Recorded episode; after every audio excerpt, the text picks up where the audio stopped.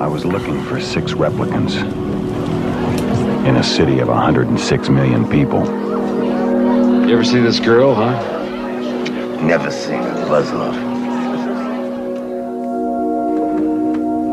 What I didn't know was they were looking for me. Harrison Ford, Blade Runner.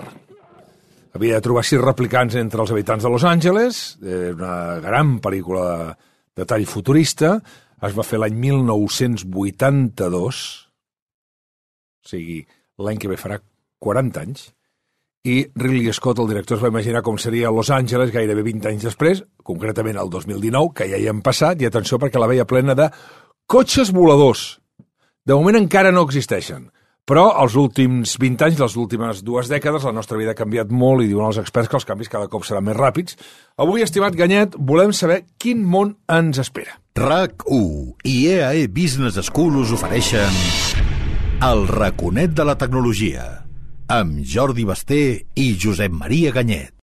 Aviam, Ganyet, com serà el nostre futur? Igual que Blade Runner, hi haurà robots en l'àmbit domèstic? Espero que no sigui massa com Blade Runner, eh? tot i que algunes de les preguntes que es, planteja la pel·lícula segur que ens, les hauríem de fer o que ens, ja ens les estem fent. Eh? De, fixa't que de robots en l'àmbit domèstic ja n'hi ha. Eh? Són molt especialitzats, això sí, són molt... només saben fer una cosa. Com? A, la Thermomix. Ah, esclar. esclar, eh? esclar que no és capaç que quan parlem de robots moltes vegades veiem el robot caminant Ara, amb ulls i boca. Aquest és el problema. La rumba, la rumba també és un clar, robot. És un robot, és un robot, eh? Vull dir, eh, al, al final, com definim un, un robot? L'Alexa, el Siri. L'Alexa, el Siri fan les coses que nosaltres li demanem, eh? Mm. Fixa't que si, si muntéssim l'Alexa sobre la Thermomix i la Thermomix sobre la rumba, ja s'assembla més a aquell robot que va per casa ah, esclar. fent coses i parlant. Esclar, esclar.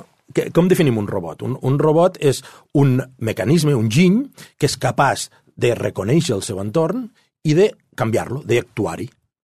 Això és un robot. Això és un robot. Ah, seguint aquesta definició, un cotxe autònom també és un robot. Llavors, aquí comencen a sortir molt, moltes preguntes. Eh? Moltes Clar. preguntes. Clar, per exemple, en, el, en la robòtica social, Uh -huh, uh -huh.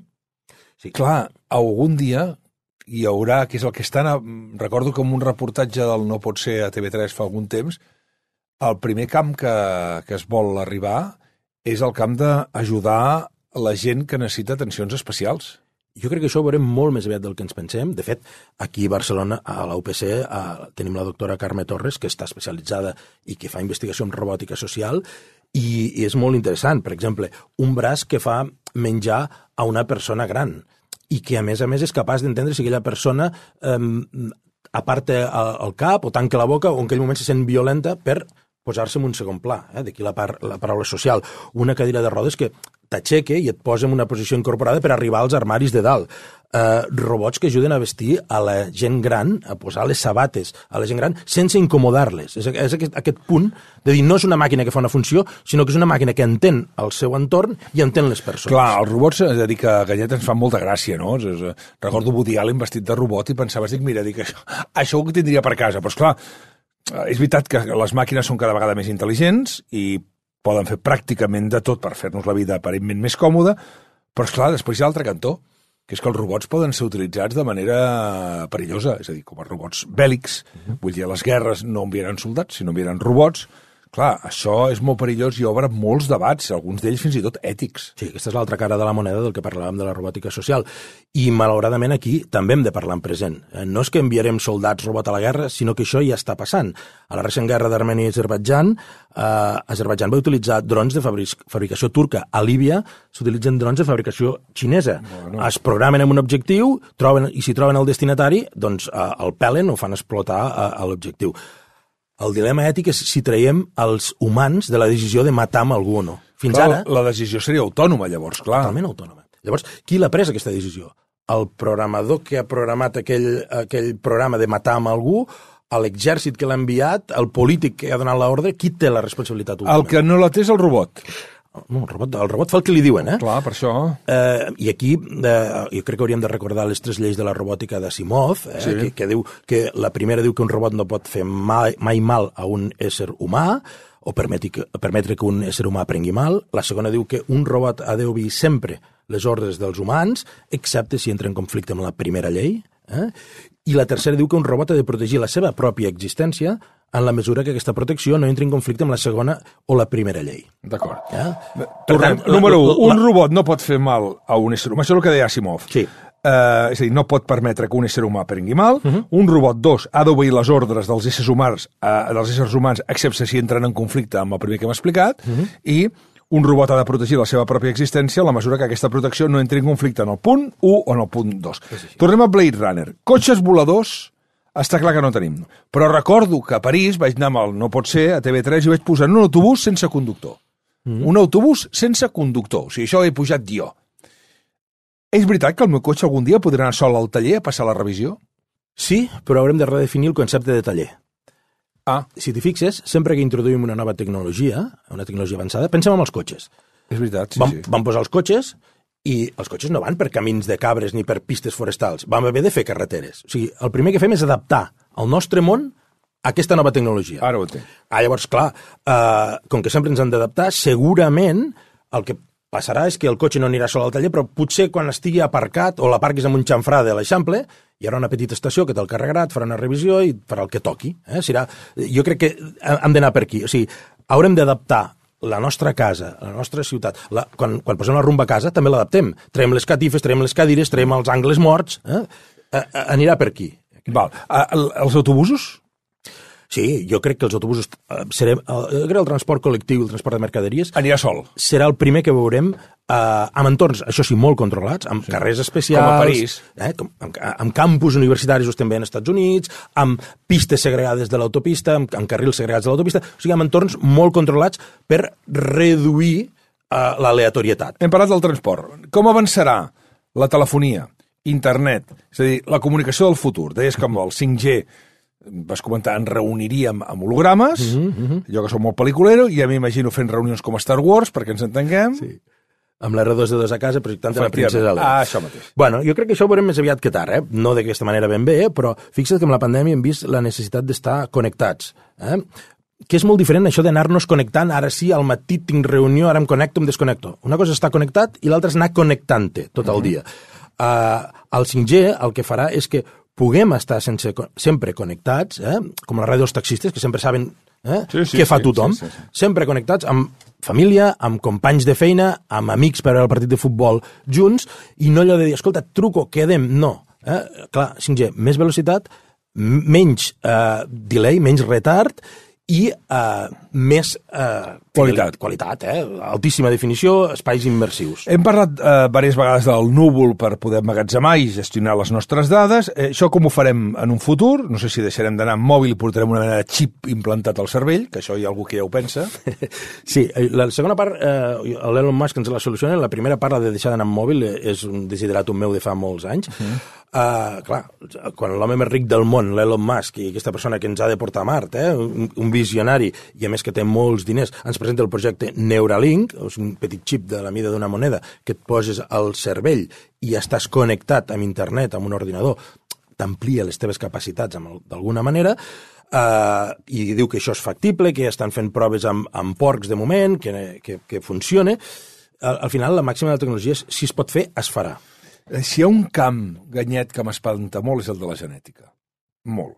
Jo m'entusiasma perquè hi ha uns avenços científics i mèdics que seran bestials en un futur, malalties que passaran a la història, càncers que veurem que seran residuals, però hi ha una cosa que, mm, sent hipocondríac, m'angoixa, i molt.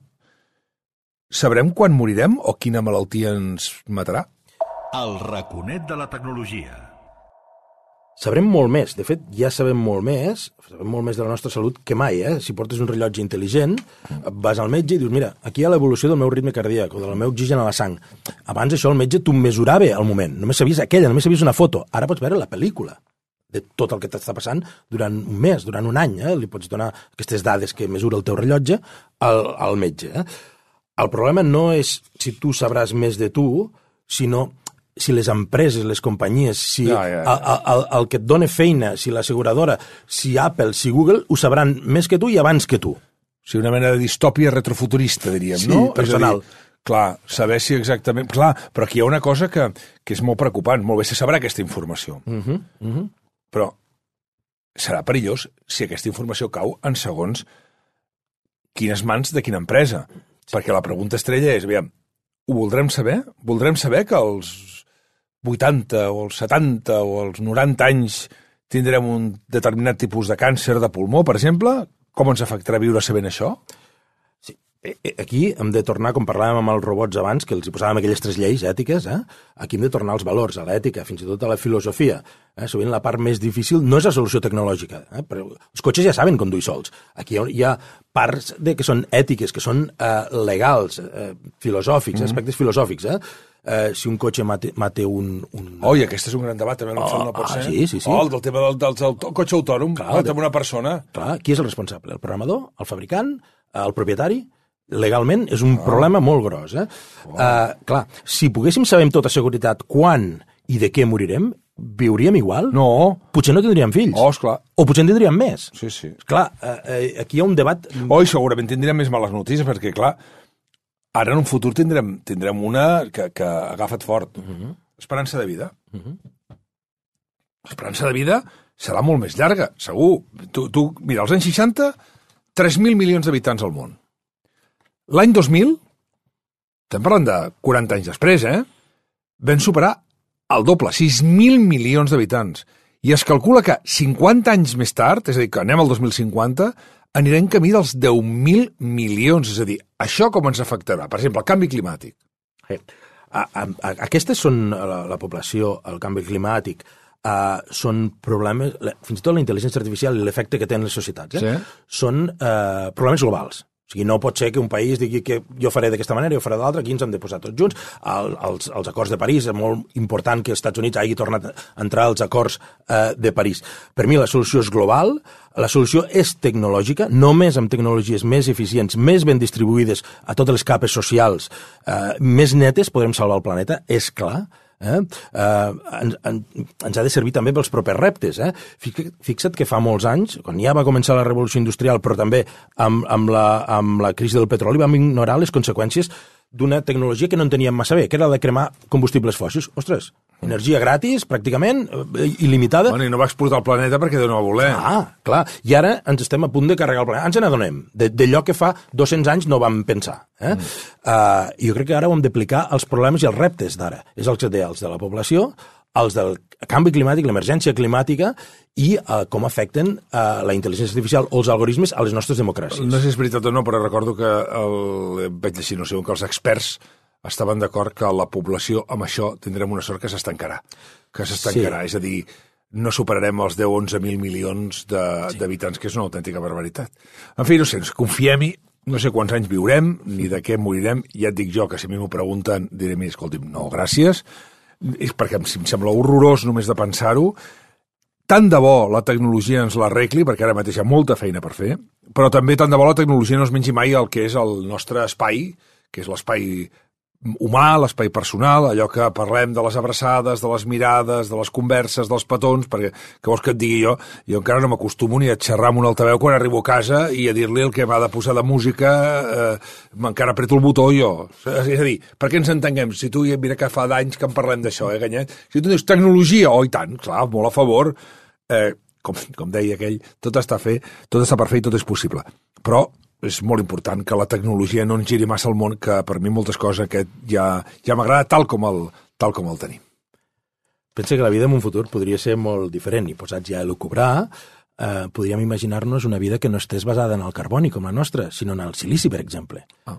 Si deixem de ser carbonocèntrics, eh, que tendim eh, a ser molt, molt, molt carbonocèntrics, i entenem que eh, per vida qualsevol sistema capaç de preservar la seva existència, com nosaltres, i reproduir-se, com nosaltres, un programa d'ordinador, segons quin programa d'ordinador, que es pot reproduir i que es pot mantenir la seva integritat, el podríem considerar vida.